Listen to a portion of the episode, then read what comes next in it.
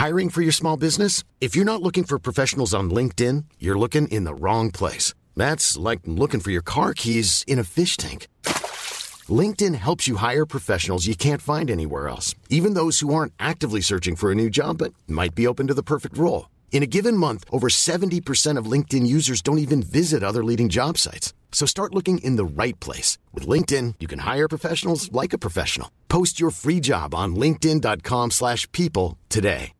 Hey, Dave. Yeah, Randy. Since we founded Bombus, we've always said our socks, underwear, and T-shirts are super soft. Any new ideas? Maybe sublimely soft. Or disgustingly cozy? Wait, what? I got it. Bombus. Absurdly comfortable essentials for yourself And for those facing homelessness. because one purchased equals one donated. Wow, did we just write an ad?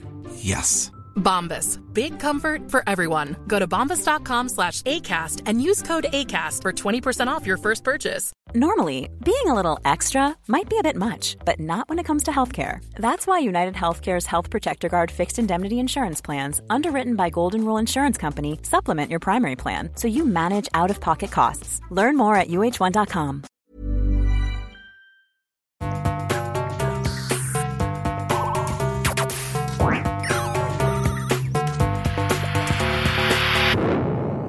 Velkommen til Sinnsyn. Jeg heter Sondre Risom Livre, er psykolog, og dette er Webpsykologens podkast. Hverdagspsykologi for fagfolk og folk flest.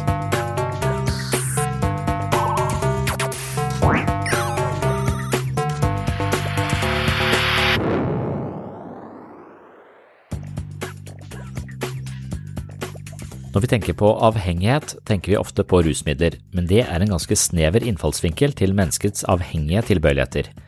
I dagens episode snakker jeg om avhengighet, og jeg baserer meg tidvis på tankene til Gabor Maté. Maté er et eh, usedvanlig vennlig vesen med et eh, særdeles empatisk blikk på menneskers eh, lidelse. Han er lege, født i Ungarn på slutten av andre verdenskrig, men praktiserer i Canada. Han har lang erfaring med familieterapi og har en spesiell interesse for utviklingspsykologi og traumer, og ikke minst deres potensielle livslange innvirkning på fysisk og mental helse. Dr. Gabor Maté er også en av verdens mest anerkjente tenkere rundt avhengighetens psykologi.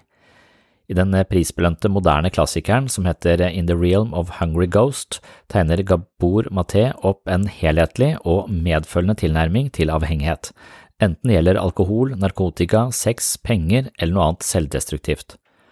Han presenterer det ikke som et fenomen begrensa til noen få ulykkelige sjeler, men som et kontinuum som går gjennom og til og med underbygger samfunnet vårt.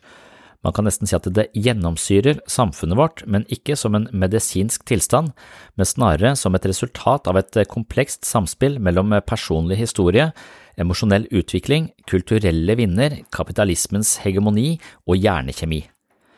Her kommer et lite innspill fra Maté om avhengighet, så får du som ikke kjenner ham fra før, et lite innblikk i denne mannens ideer og hans takt og tone. Addiction is not the problem. Addiction is the attempt to solve a problem. The real problem is how come on God's green earth you found no pleasure in this life? How come with all that's available to us you found no meaning? How come you're so overwhelmed by stress that you needed to escape and you didn't know how to handle stress? How come with all that's available to us you were bored being in your own skin? Those were the problems. The addiction was an attempt to solve a problem. It's just a coping mechanism.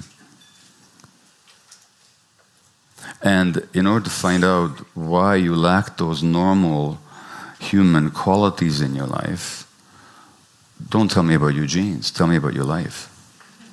What happened to you? Because you weren't born bored. And you weren't born without meaning. And you weren't born without a capacity to experience pleasure.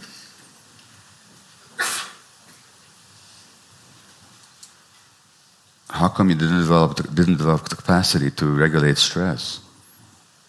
So th- these are the questions we have to ask to understand addiction, not what genes were you born with. So it's a coping mechanism.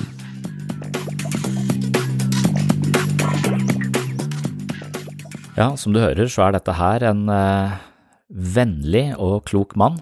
Og jeg har selv hatt stort utbytte av å lese Gabor Maté, og jeg har hatt utbytte av å se ham på YouTube eller høre ham på podkaster, kanskje spesielt samtalen han hadde med Russell Brandt på podkasten hans. Så dette her er en mann med en eh, veldig sympatisk fremtoning og mange fine tanker om vår menneskelige eksistens. Dette blir altså da dagens anbefaling fra sinnssyn, og nå går vi over til refleksjoner rundt alt det vi mennesker foretar oss for å unngå noe annet. I dag vil jeg se på avhengighet som alt vi gjør som gir en tilfredsstillelse i øyeblikket, men straffer seg på lengre sikt dersom det blir et mønster i vår atferd. Når vi ser på avhengighet på et kontinuum og ikke som en lidelse man enten har eller ikke har, blir fenomenet relevant for oss alle. Før vi går til dagens hovedsegment, skal du få høre en kort og trist historie om to menn på livets skyggeside. De havnet i avhengighetens klør allerede som barn. De lever alene. De har ingen rundt seg, og ingen vet hvordan de egentlig har det. Men er de fortapt? På Tennplugg i dag skal du få se den hjerteskjærende og dyptpløyende dokumentaren om to menn som sliter på livets skyggeside. Her er Avhengig.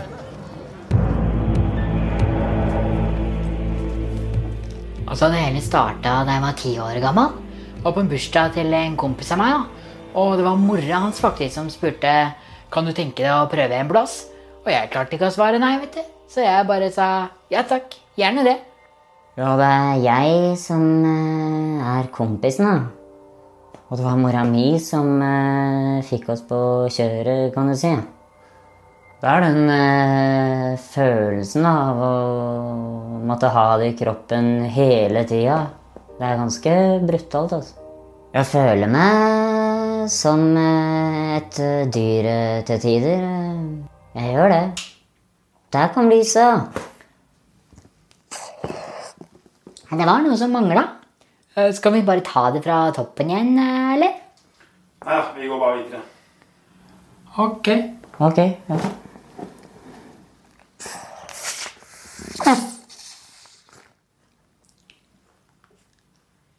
Det verste med å være avhengig av helium, da, er at det er så innmari synlig i samfunnet.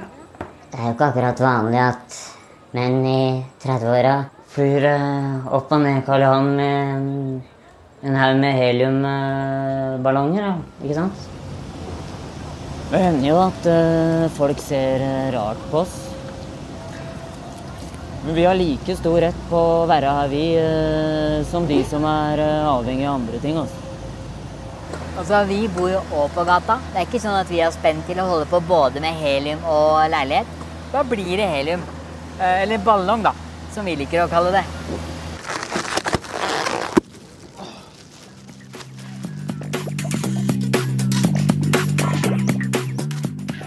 Så da var det avhengighet. Og jeg tror måten man definerer avhengighet på, det handler om at man eh, gjør en eller annen form for handling for å oppnå en eller annen umiddelbar tilfredsstillelse, men at denne handlingen på sikt får negative konsekvenser for deg. Og dermed så spiller det ingen rolle egentlig hva man er avhengig av, men det er selve atferden eller det er selve teknikken eller strategien på å oppnå en umiddelbar behovstilfredsstillelse eh, på bekostning av eh, mer langsiktige mål. Da. Så avhengighet vil da variere fra person til person. Så er det vanlig å tenke på det som, som rusavhengighet, men det kan også være en hel haug av andre ting som vi gjør som for noen vil være sunt. Trene er jo sunt, men eh, hvis eh, trening blir noe du hele tiden gjør på en mer eller mindre halvmanisk måte fordi du dypest sett er eh, redd for å dø eller orker ikke følelsen av å føle seg liten og ubetydelig i et stort univers, så hver gang du nærmer deg en sånn eksistensiell uro, så går du på helsestudio, og det skjer flere ganger om dagen. Derfor går du på helsestudio flere ganger om dagen for å unngå den erkjennelsen. Så er jo selve strategien en, en type flukt, da. Fra en eller annen smerte. Så du er avhengig av en eller annen type atferd for å unngå en, en, bestemt type smerte. Og i en så brei definisjon så må man jo kunne nesten eh, anta at de fleste av oss eh, sliter med en form for eh, avhengighet, at vi har mønstre som, som kvalifiserer for det, da. Og det er en interessant, eller en tror jeg ganske vanlig opplevelse av at det er i møte med andre mennesker at vi blir bekrefta og får en slags verdi det, det, å ha et livsvitne, som noen kaller det, altså at man, man har et livsvitne, en som ser oss, og når vi blir sett, så eksisterer vi, og vi får en type betydning. Og det er, det er da igjen jeg, jeg, vil tenke at det var det å ikke være avhengig, da. Det må være at den typen bekreftelser vi får fra de folka som betyr noe, det har ikke bare Det fungerer ikke som en, eh, som en sobril, noe som gir et eller annet uh, tilfredsstillende i det umiddelbare øyeblikket, men det blir værende i oss som en bekreftelse vi har, uh, har med oss som, som, en, av, som, som, en, del av vårt eh, intrapsykiske apparat. Og at det er der forskjellen ligger, hvorvidt vi klarer oss å samle på den typen selvbekreftelser som vi får for andre, sånn at vi, vi, vi kan hvile i de når de ikke er til stede. Mens med en gang vi hele tiden må ha noe der og da, og må gjøre noe, hente noe inn fra den ytre verden for å eh, døyve en eller annen form for indre smerte eller følelse av mangel eller tilkortkommenhet, så er vi, så er vi avhengige. Men med en gang jeg liker deg og du liker meg, og jeg har det litt vanskelig, og du kan dukke opp i mitt hode som en person som eh, bare ser på meg på en bestemt måte med en eh, følelse av at eh, ja, men det er bra nok. Hvis det kan dukke opp i meg fordi vi har hatt en relasjon, så, så kan jeg bruke det til å regulere eh, meg selv eh, og, og holde balanse i uvær på et senere tidspunkt. Men hvis jeg ikke har noe forhold til mitt indre liv, hvis jeg ikke er noe mentaliseringsevne, hvis ikke jeg kikker innover, hvis ikke jeg forholder meg uh, til mitt eget uh, indre liv, fordi at jeg syns at uh, jeg har så mange folk som har svikta meg, det er så mye faenskap der, jeg er så redd, så at jeg bare hele tiden prøver å flykte vekk fra mitt indre liv, så er jo heller ingen av de objektrelasjonene som kan hjelpe meg, i, i, i, vanskelig vær. Derfor så er alle tvunget til å bli venn med sitt Eller i hvert fall våge å se nyansene og forstå og vite hva man har i sitt indre relasjonelle verktøykasse, da. For, for de fleste av oss har jo kjipe relasjoner, men vi har også mange gode relasjoner. Uh, og noen har mindre gode relasjoner fordi at de har fått en mal på hvordan de omgås andre og trekker seg alltid unna hver gang noe kommer til å bety noe. Eller, så, så de, de, de, klarer ikke helt å hente inn gode, gode relasjoner. Men, men, bare det å bli likt, altså at vi liker hverandre her og nå, det kan være noe som kan berike begge to uh, i all uoverskuelig fremtid, hvis vi tar vare på det. Men jeg tror ikke folk tar vare på det. De føler ute av syne, ute av sinn. Og det er egentlig en Altså det er litt sånn med objektkonstans, da, som jeg snakket om dattera mi som trenger, trenger suttekluten som en slags symbol på foreldrene eller på tryggheten eller på søsken eller på oss. Når hun er ute i den store verden sammen med folk hun ikke har den samme relasjon til, så, trenger, så klarer hun ikke å hvile i sine egne, egne, minnebilder fra at hun har en trygg familie som tar vare på henne, og hun har søsken som bryr seg, og alle de tingene som, der, hun, der hun helst vil være. Når hun er ute i verden, så burde hun kunne, hvis hun klarer å bruke det som en reguleringsmekanisme da, så kan hun ha det gøy ute i verden, for hun klarer å regulere seg selv. Men når hun møter litt motstand der, så klarer hun ikke å hvile i det. Så må hun ha suttekluten, eller så må hun ha andre relasjoner i barnehagen da, som er fysiske der til å eh, Men jo, jo, eldre, jo flere sånne indre suttekluter vi har, da, jo bedre vil vi ha det. Og hvis vi eier de sutteklutene og har de på innsiden som mentale minnebilder eller som objektrelasjoner, så er vi ikke lenger avhengig av å hente det fra, fra, verden rundt oss. Men da må vi forholde oss til vårt eget indre, indre liv. Og jeg tror Derfor så tror jeg all avhengighet stammer fra en form for traumatisering, en form for uh, relasjonssvikt. opp igjennom flere gjentatte ganger, som gjør at vi f.eks. har masse negative objektrelasjoner som rokker ned på oss, og som ikke hviler i, men som bare forverrer eh, situasjonen. Eller at vi har noen store traumer, så hvis vi kikker innover, så ser vi rett inn i en skrekkfilm, så vi orker ikke. Så vi må bare løpe unna. Og da, når vi opplever en eller annen form for ubehag og smerte, så må vi finne en eller annen strategi på å døyve den, og da kan vi finne en eller annen avhengighet. Altså, jeg føler meg verdiløs, for, det, for foreldrene mine brydde seg ikke om meg. Men jeg kan ha tilfeldig sex med deg, så du bekrefter meg her og nå, og så føler jeg det bra i dette øyeblikket, og så får jeg sove, og så våkner jeg dagen etter og føler meg like tom som jeg var før jeg traff deg. Så man bruker ting i verden for å reparere smerte på, på innsiden. Og det funker umiddelbart, men det, det har en lei um, det er der definisjonen på avhengighet kommer inn. Da. Så det, eh, det, gir en umiddelbar behovstilfredsstillelse og en lettelse fra smerte i øyeblikket, men på lengre sikt så, eh, så konstituerer det et mønster som, eh, som er skadelig for enten deg sjøl eller relasjonene dine.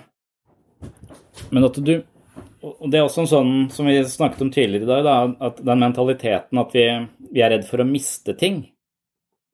For, for da er man liksom man kan nesten være nervøs for eh, det gode liv, nærmest. Fordi at eh, når jeg fikk den kjæresten eller fikk den eh, jobben, eller når, når, liksom, når ting ble bra, så spiller jeg et veldig risikabelt spill. For hvis jeg mister det, så vil jeg bare sitte igjen med et svært tomt høl i sjela mi, Det er det jeg hadde, skulle vært. Mens man kan også se på at hver gang du opplever gode ting, så setter det et slags spor i sjela di som et godt spor, som, en, eh, som, et forhold til en jobb som du en gang hadde, men mista fordi det var nedbemanning, eller et forhold til en kjæreste som viste seg å svikte deg på, til, til, slutt, men, men hadde likevel, dere hadde likevel en, noe fint. Jeg lærte noe om meg selv der. Det var så at eh, jeg tror også Det er spørsmålet går det liksom an å ha en slags uh, Velge litt selv hvordan spor ting skal sette i oss. Vil det være Hva er veien ut av avhengighet? det er jo ofte å få en relasjon til eh, Ofte Gud, da, noe som er større enn seg sjøl, men også eh, etablere gode fellesskaper hvor man eh, føler tilhørighet, får mening og gir mening. Altså at man tilskriver andre en betydning for seg og får en betydning for andre. Så det er de nye objektrelasjonene som skal, som skal bære livet ditt framover nå, og ikke hver gang du føler denne tomheten og tilkortkommenheten, skal du bare fylle deg sjøl med narkotika.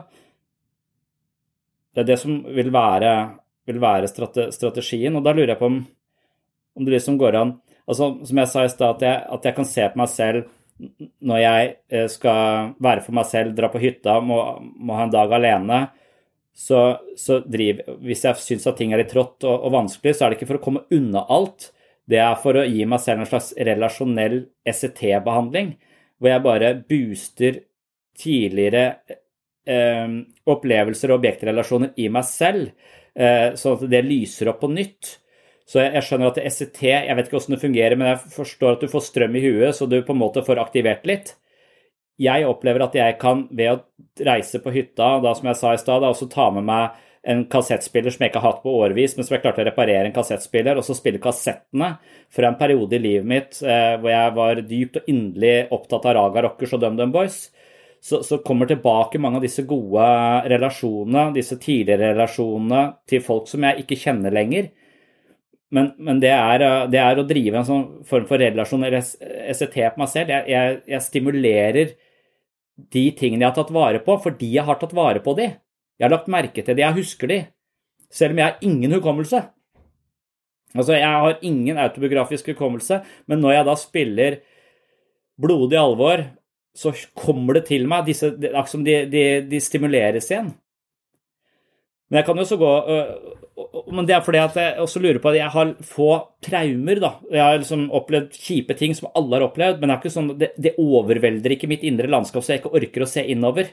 Jeg kan godt se innover og så finne disse, disse, tingene, men det kan også hende at jeg har en selektiv hukommelse som gjør at jeg stort sett husker ting bra.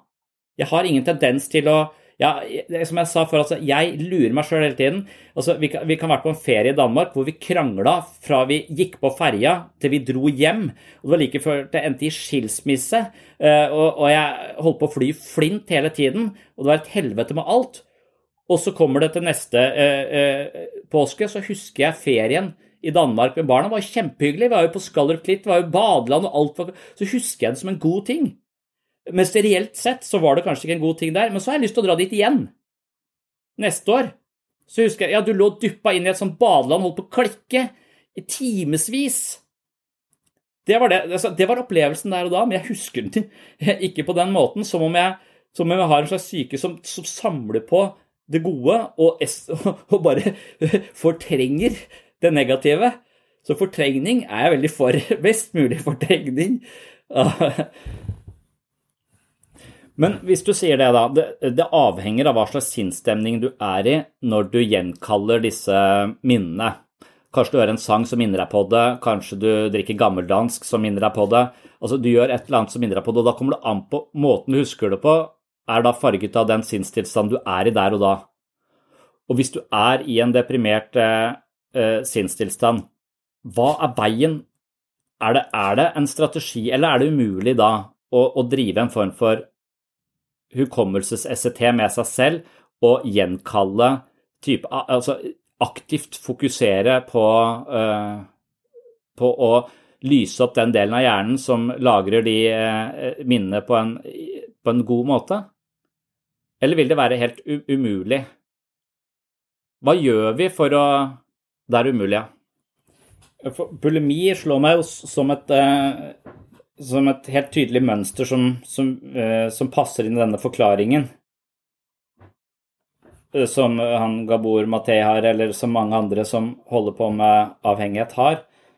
At man finner et mønster som gir en uh, umiddelbar behovstilfredsstillelse, uh, men som på lengre sikt uh, skader oss.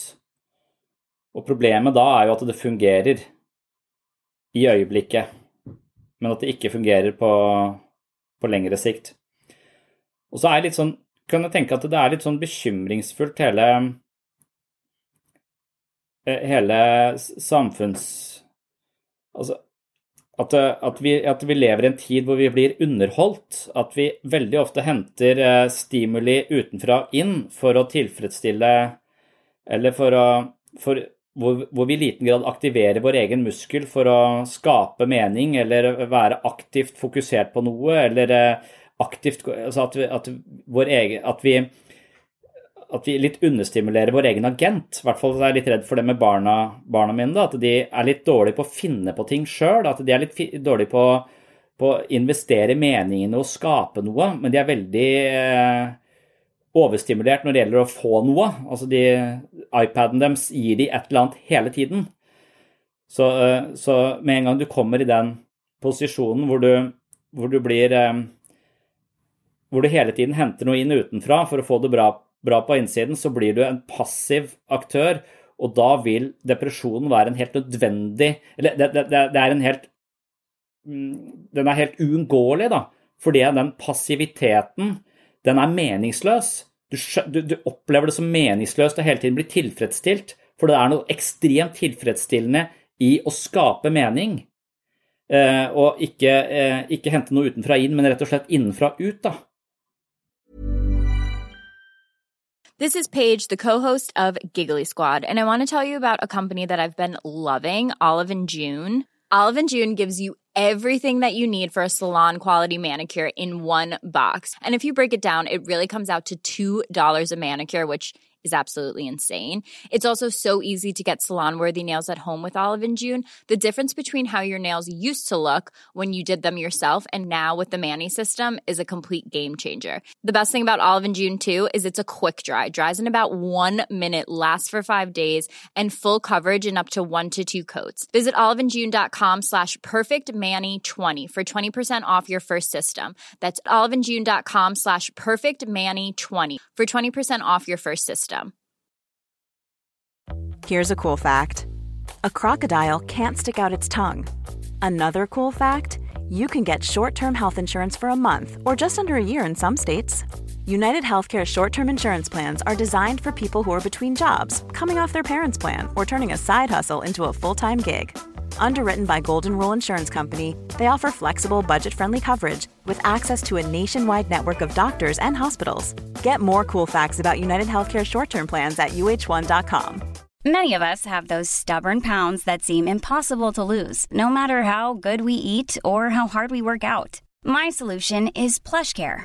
PlushCare is a leading telehealth provider with doctors who are there for you day and night to partner with you in your weight loss journey. They can prescribe FDA-approved weight loss medications like Wagovi and Zeppound for those who qualify. Plus, they accept most insurance plans. To get started, visit plushcare.com slash weight loss. That's plushcare.com slash weight loss. Så istedenfor å prøve å slutte med et eller annet avhengighetsmønster, så ville man igjen kanskje forvente at det ville være mer konstruktivt å uh, skape et meningsfullt mønster.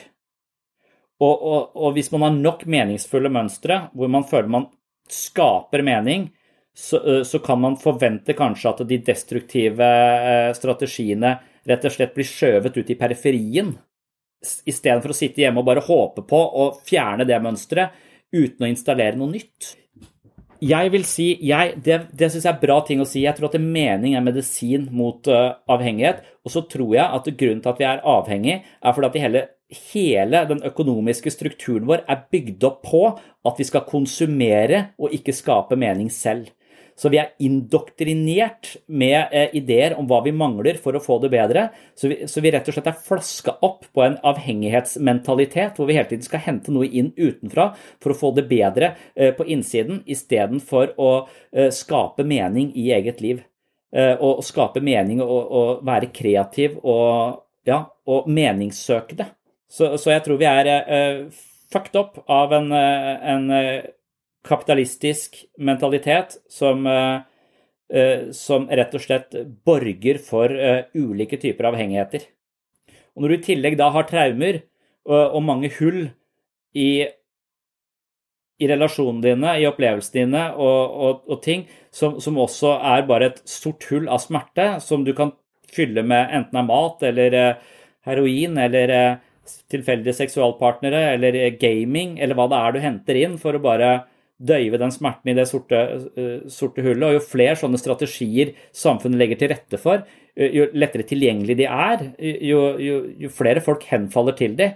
Så hvis du i tillegg du er vokst opp i en kultur som, som, lærer deg at du hele tiden mangler noe og må kjøpe det for å få det bedre, samtidig som du har masse sorte hull inni deg som du må prøve å, å manøvrere utenom, så du, ikke, ikke faller ned i et høl det er umulig å komme ut av, så, så, er, så er jo avhengighet smart. Altså Eller det er den muligheten man har.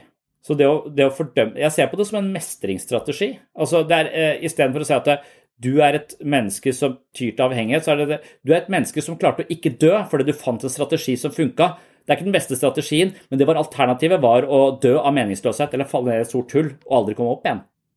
Du sitter med en gigantisk relasjonell mangel inni deg fordi at du har blitt dårlig behandla og ikke fått det du trengte når du vokste opp.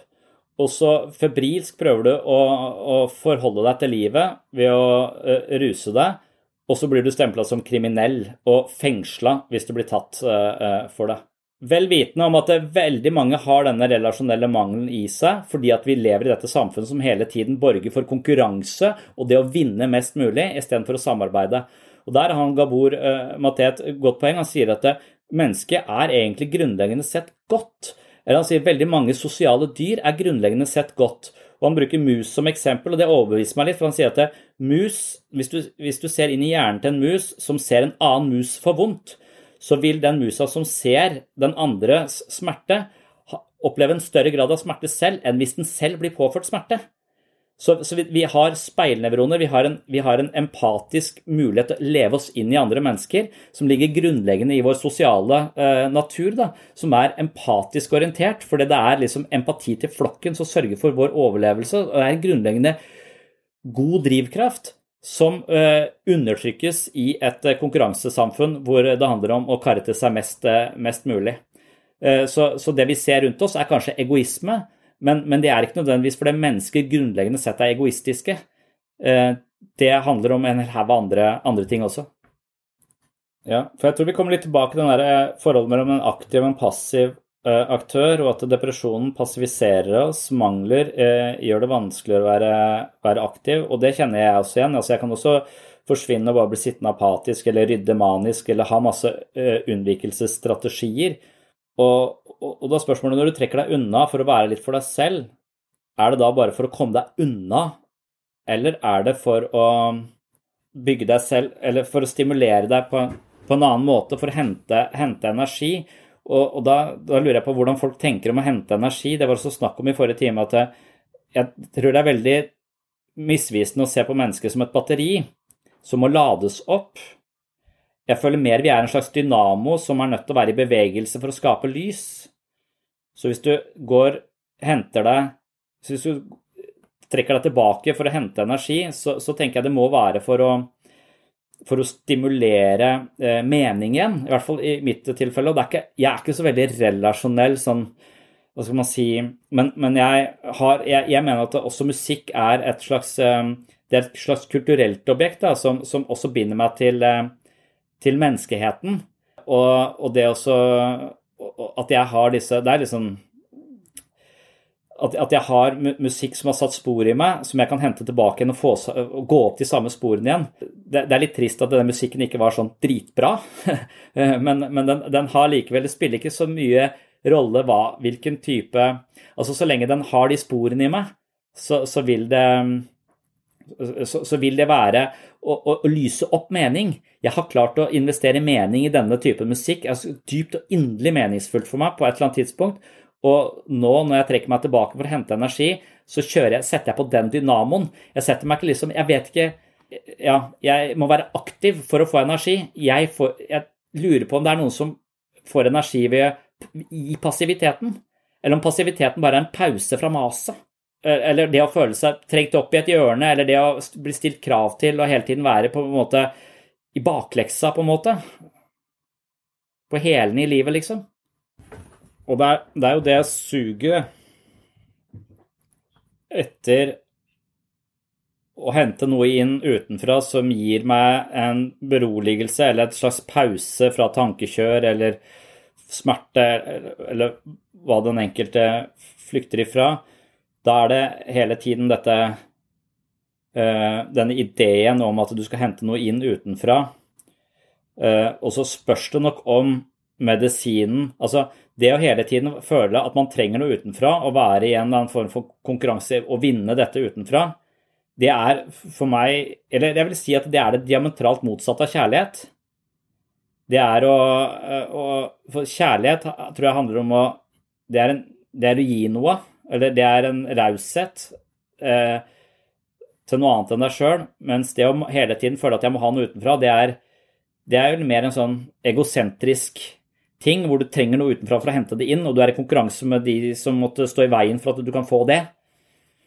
Og du kan også bruke andre mennesker på den måten som eh, Et kjærlighetsforhold kan kanskje være et ekte kjærlighetsforhold hvor du virkelig bare kjenner at en, en enormt varm følelse for et annet menneske, men at du glemmer deg selv.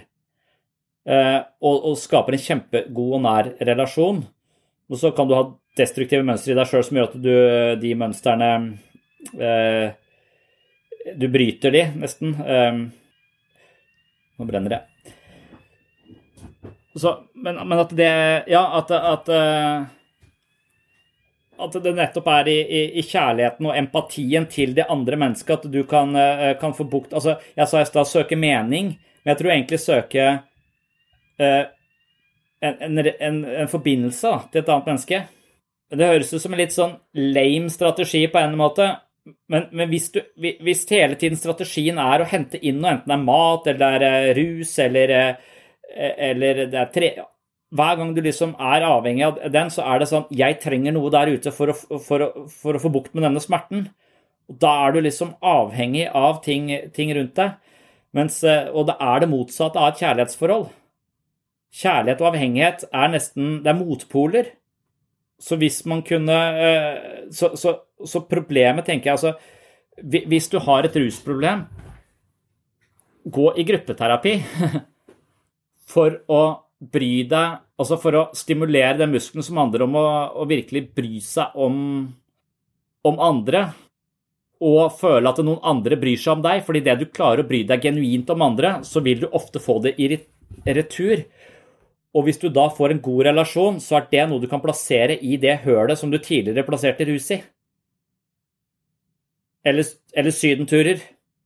Men så kan man også tenke på at hvis Syden er det stedet hvor liksom har slappa av, hvis det er, så, så, så kan, også, kan, man også betrakte det som en god objektrelasjon. Det er et forhold jeg har til noe uh, utenfor meg selv som gir meg en god følelse. Men hvis du er nødt til å være i Syden for å få den, men hvis du da kan uh, drikke Kahlua, ja, det er det man drikker i Syden Eh, Altså at, man, at, du kan også hente inn dette i en form av um, mentalitet. Sånn når jeg skal få sove, så bruker jeg alltid minnebilder. Altså jeg har et sted jeg reiser til i hodet mitt som jeg kan være hvor det er helt stille. For der er, det er på en måte skjerma fra alle tankene om alt mulig. Eh, og da får jeg sove, så jeg klarer å gå dit. Jeg klarer å reise dit. Jeg klarer å være der. Eh, sånn at, sånn at det kan jeg ta med meg.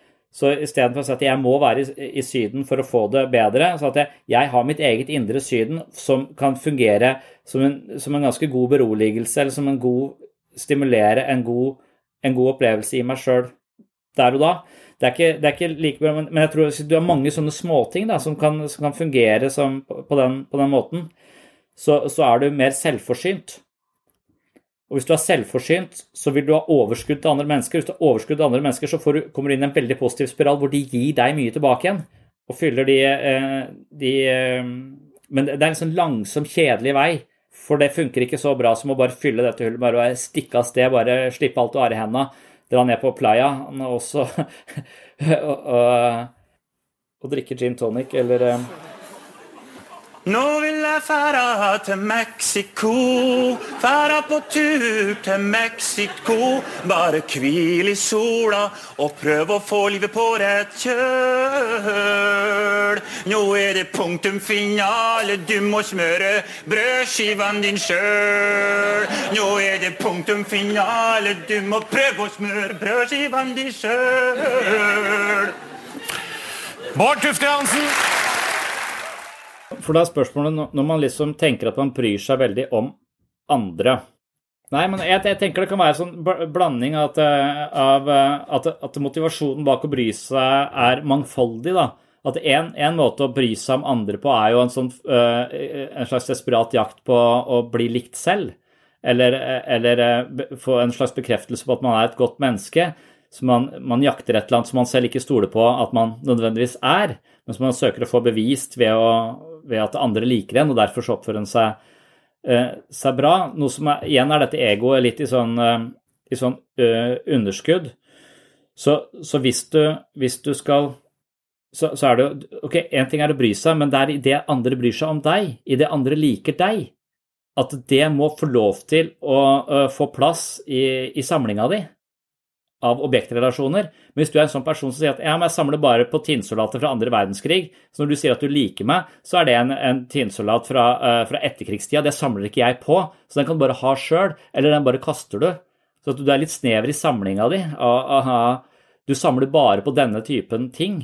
Så, så hvordan, kan du, hvordan kan du samle på Hvis du har en overvekt av indre objektrelasjoner som sier at du ikke er god nok, så vil, de, eh, så vil de sannsynligvis prøve å ha hegemoni i huet ditt, sånn at de ikke ønsker motstridende ideer, for det blir ganske kaotisk. Og så må vi reorientere hele livsprosjektet, og det er, masse styr. Så hvis du plutselig skal begynne å samle på objektrelasjoner som genuint sett syns at du er en fin fyr, så, så blir det Da må du liksom begynne helt på nytt, da. Og det er der avhengigheten kommer inn. Hvis du er en person som kan få en viss tilfredsstillelse av at jeg sier 'jeg syns du er en fin fyr', jeg genuint sett liker deg, jeg syns det er fint at du er her, og det trenger jeg ikke å ljuge for å si. Hvis det gir deg en god følelse i ti sekunder, og så blir det borte, så er det fordi at du sier ja, tinnsoldaten er fin, den, men jeg bare pælmer den. Altså at, det, at, du ikke klarer å, å, beholde det på noen måte. Så er du avhengig av at jeg sier det hele tida, og det blir litt kjedelig. Ja, og Det er der jeg føler det er så viktig å vite hvordan forholder man seg til disse relasjonene. For hvis man er, forholder seg narkomant til relasjoner, så er det fordi man da trenger man de bekreftelsene hele tiden. Eh, for, fordi man ikke, ikke eh, tar vare på de bekreftelsene man får.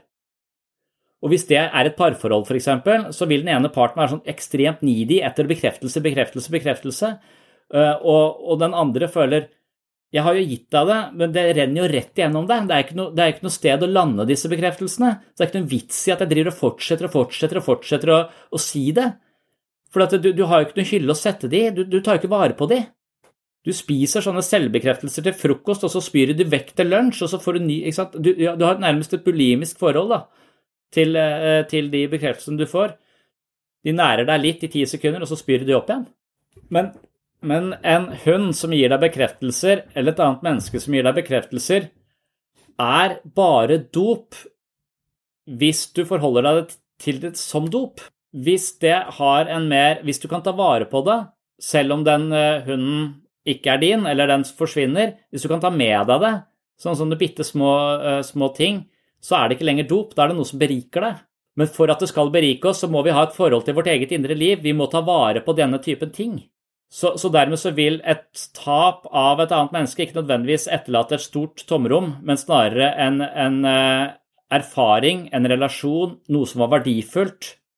Så, så, så det, det, kommer helt an på hvordan man, uh, hvordan man Med en gang man er nødt til å ha ting rett foran seg for at det skal funke, så er det et dop.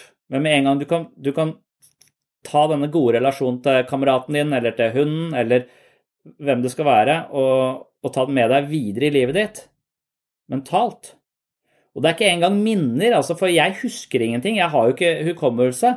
Så, så, så det, er ikke, det, er ikke, sånn akkurat sånn minner. Det er mer sånn ja, det, det, det, kalles jo objektrelasjoner i noen språk, da, så jeg føler det Ja. Så, så, jeg føler ikke du trenger å skamme deg over at du føler at den hunden er som dop. Jeg føler at du kan tenke at eh, det, det, er, jo, det er jo der ute fra vi får disse relasjonene. Det er jo liksom det er fordi at vi har relasjoner i den ytre verden at vi kan bruke det som, eh, som bærebjelker i vårt indre liv. Men det er med en gang vi ikke tar det inn som bærebjelker i vårt indre liv, at vi hele tiden er avhengig av det fra utsiden. Og så syns jeg det er, noe, det er noe fantastisk med også når du opplever den typen sorg, og ikke eh, døyve det med alkohol, men heller oppsøke en venn. For det er jo ikke Jeg mener at vi er jo grunnleggende sett avhengig av hverandre, og idet du oppsøker en venn som kan gi deg en klem, så vil det sannsynligvis hva skal jeg si eh, styrke Altså, det vil være til hjelp for den som kan gi en klem, og det vil være til hjelp for den som får en klem. Så den typen vinn-vinn-situasjoner, det, det, tror jeg egentlig så, så, vi er ikke selvforsynte på noen som helst måte. Vi trenger hverandre. Men idet vi kan gi andre noe, så berikes vi. Og idet vi får noe av andre, så kan vi også berikes. Så der er det ikke noe sånn 'nå ga jeg deg det', 'nå, nå, nå mista jeg det'. Idet jeg ga deg det, så fikk, ble jeg enda rikere, på en måte. Så, så det å oppsøke en venn og et annet menneske istedenfor alkohol, det, det, det, jeg, det, tenker jeg er Vi er avhengige, vi er ikke selvforsynte. Vi er på sett og vis avhengig av andre mennesker for å bli den vi er, og for å utvikle oss videre. Og Det ser jeg på som den beste strategien man kan, man kan gjøre når man virkelig har eh, høy grad av smerte. Det er litt sånn eh, Jeg tenker det er noe eh, Det å finne en hylle å sette ting på. For jeg opplever deg som en veldig elskverdig menneske som er veldig lett å like. Så, så, jeg lurer på om du får eh, du, virker, du er veldig oppriktig ofte. Og den oppriktigheten din, den syns jeg er eh, beundringsverdig. Som om du våger sårbarhet, på en måte. Og da lurer jeg litt på om du er For da ville jeg forvente at andre mennesker ville eh, ha den samme gode følelsen for deg, men at du ikke helt tar vare på den. Fordi at det, Jeg ville forvente at du får det flere steder, men siden du ikke klarer å bruke det som bærebjelker eh, i, deg sjøl alltid, så, så, er det noe med å, å, ta vare på disse tingene Altså at de har et sted å lande hos deg, da. Absolutt. At, at eh, avhengighet alltid er et substitutt for en, en egentlig genuin relasjon. Og da, og da, kan man se for seg at fastlegen f.eks. kunne hjulpet veldig mange mennesker hvis fastlegen hadde tid til å være å lytte eller være sammen med det mennesket, men i og med at fastlegen ikke har tid, så har de et substitutt isteden, og det er blå resept. Så, uh, så den blå resepten er liksom substituttet for relasjonen.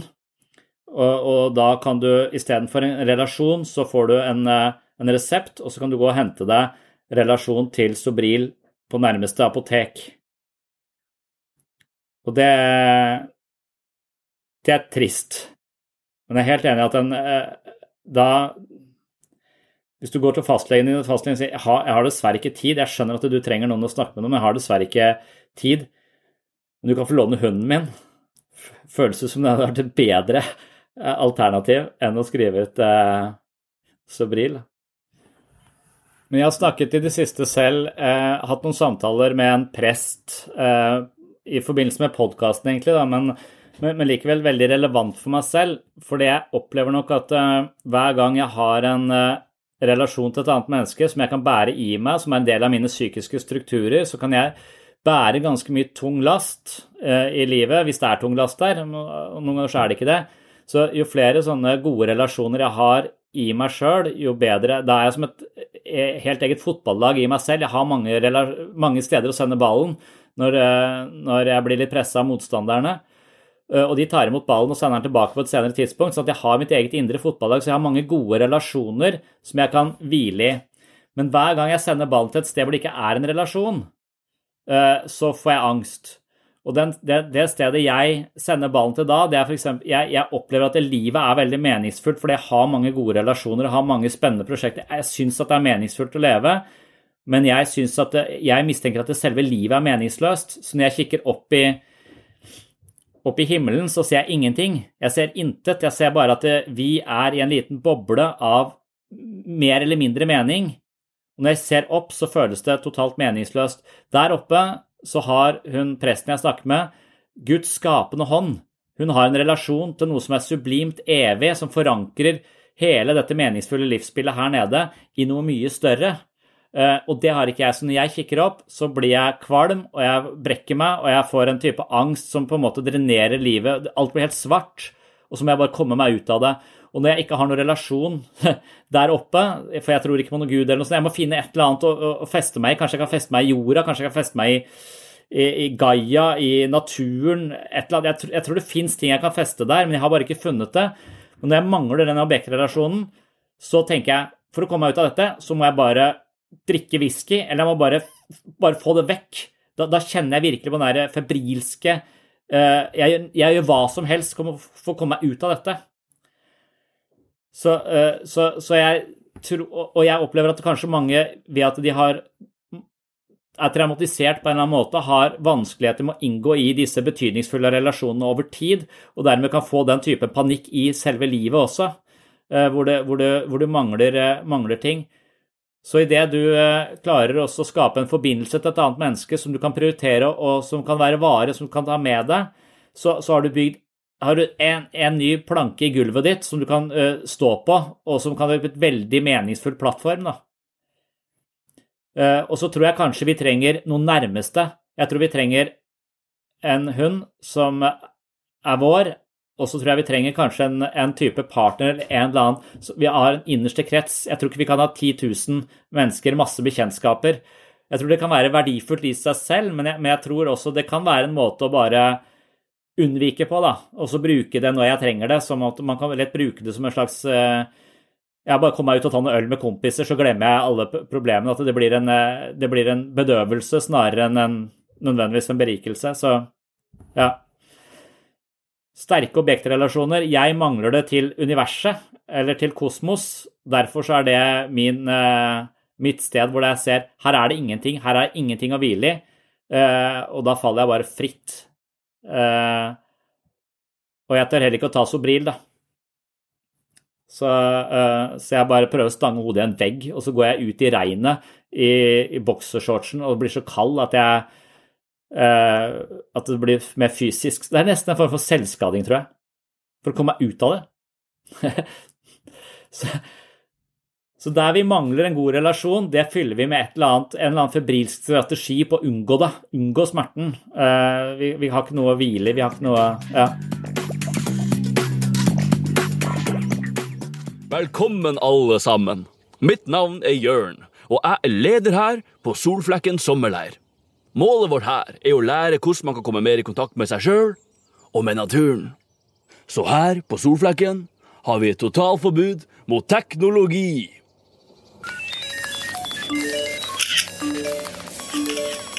Åh. Men så se på dere sjøl, det er jo akkurat dette her som er problemet. Dere er jo avhengig, slaver lenka fast til maskinene, helt hjelpeløse. Det er på høy tid at dere lærer dere å leve uten. Få den der! Du er avhengig, og du er avhengig. Jeg vil ikke se så mye som et klokkebatteri engang. Og det gjelder alle. Deg også. Få den der. Vær så snill. Men sjef, hva med Randi? Hæ? Randi? Oi. Og du, du var jo uh, kjempeavhengig, ja. Uh, Ja, jeg er avhengig av denne stolen for å kunne leve. ja Jeg kan ikke akkurat drive med forskjellsbehandling heller, så jeg må nok uh, bare ta den uh, stolen uh, fra deg. ja, sånn, ja. Ja, så bra. Ja. Nå er det likt for alle. Ikke sant, Randi? Randi? Uh, skal vi kanskje ringe etter en ambulanse? Også politiet, kanskje?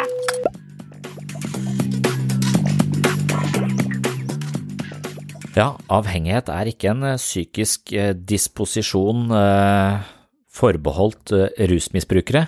Det er rett og slett en psykisk disposisjon de aller fleste av oss kjenner til i en eller annen fasong. Jeg håper at dagens episode var med på å illustrere dette. Det er også det vi hadde for denne gang. Jeg vil som vanlig takke for følget, takk for at du hører på Sinnsyn, takk til alle som har ratet podkasten og anbefalt den til venner og bekjente, og en spesiell takk til eh, dere som holder hjula i gang her på Sinnsyn, nemlig mine Patrion-supportere. Som de fleste vet, så er det mulig å skaffe seg et abonnement på Sinnsyn på patron.com for slash sinnssyn. Da får du masse ekstra materiale hver måned, og du kan bidra da med et eh, selvvalgt beløp i måneden og da bli medlem på mitt såkalte mentale treningsstudio, hvor jeg poster øvelser, jeg leser bøkene mine, du får ekstra episoder fra sinnssyn, du får en del videomateriell som ikke publiseres andre steder, osv. Så, videre. så hvis du er interessert, hvis du finner verdi her på sinnssyn og har muligheten til å støtte prosjektet, så håper jeg du sjekker ut patron.com for segs sinnssyn. For dere som ikke har eh, økonomiske midler til å støtte prosjektet, så skal dere bare følge med, for det kommer nye episoder ukentlig her på podkasten, og de er gratis og åpne for alle. Sinnssyn er et prosjekt som har som mål å spre kunnskap om psykisk helse til så mange som mulig, så derfor så vil jeg også at eh, så mye som mulig skal være åpent for alle. Takk for følget. Takk for eh, denne gang, og på gjenhør i en ny episode rett rundt hjørnet.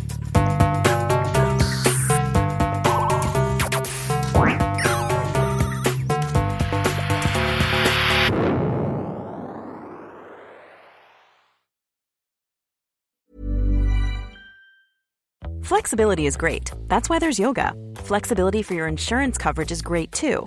That's why there's United Healthcare Insurance Plans. Underwritten by Golden Rule Insurance Company, United Healthcare Insurance Plans offer flexible, budget friendly coverage for medical, vision, dental, and more.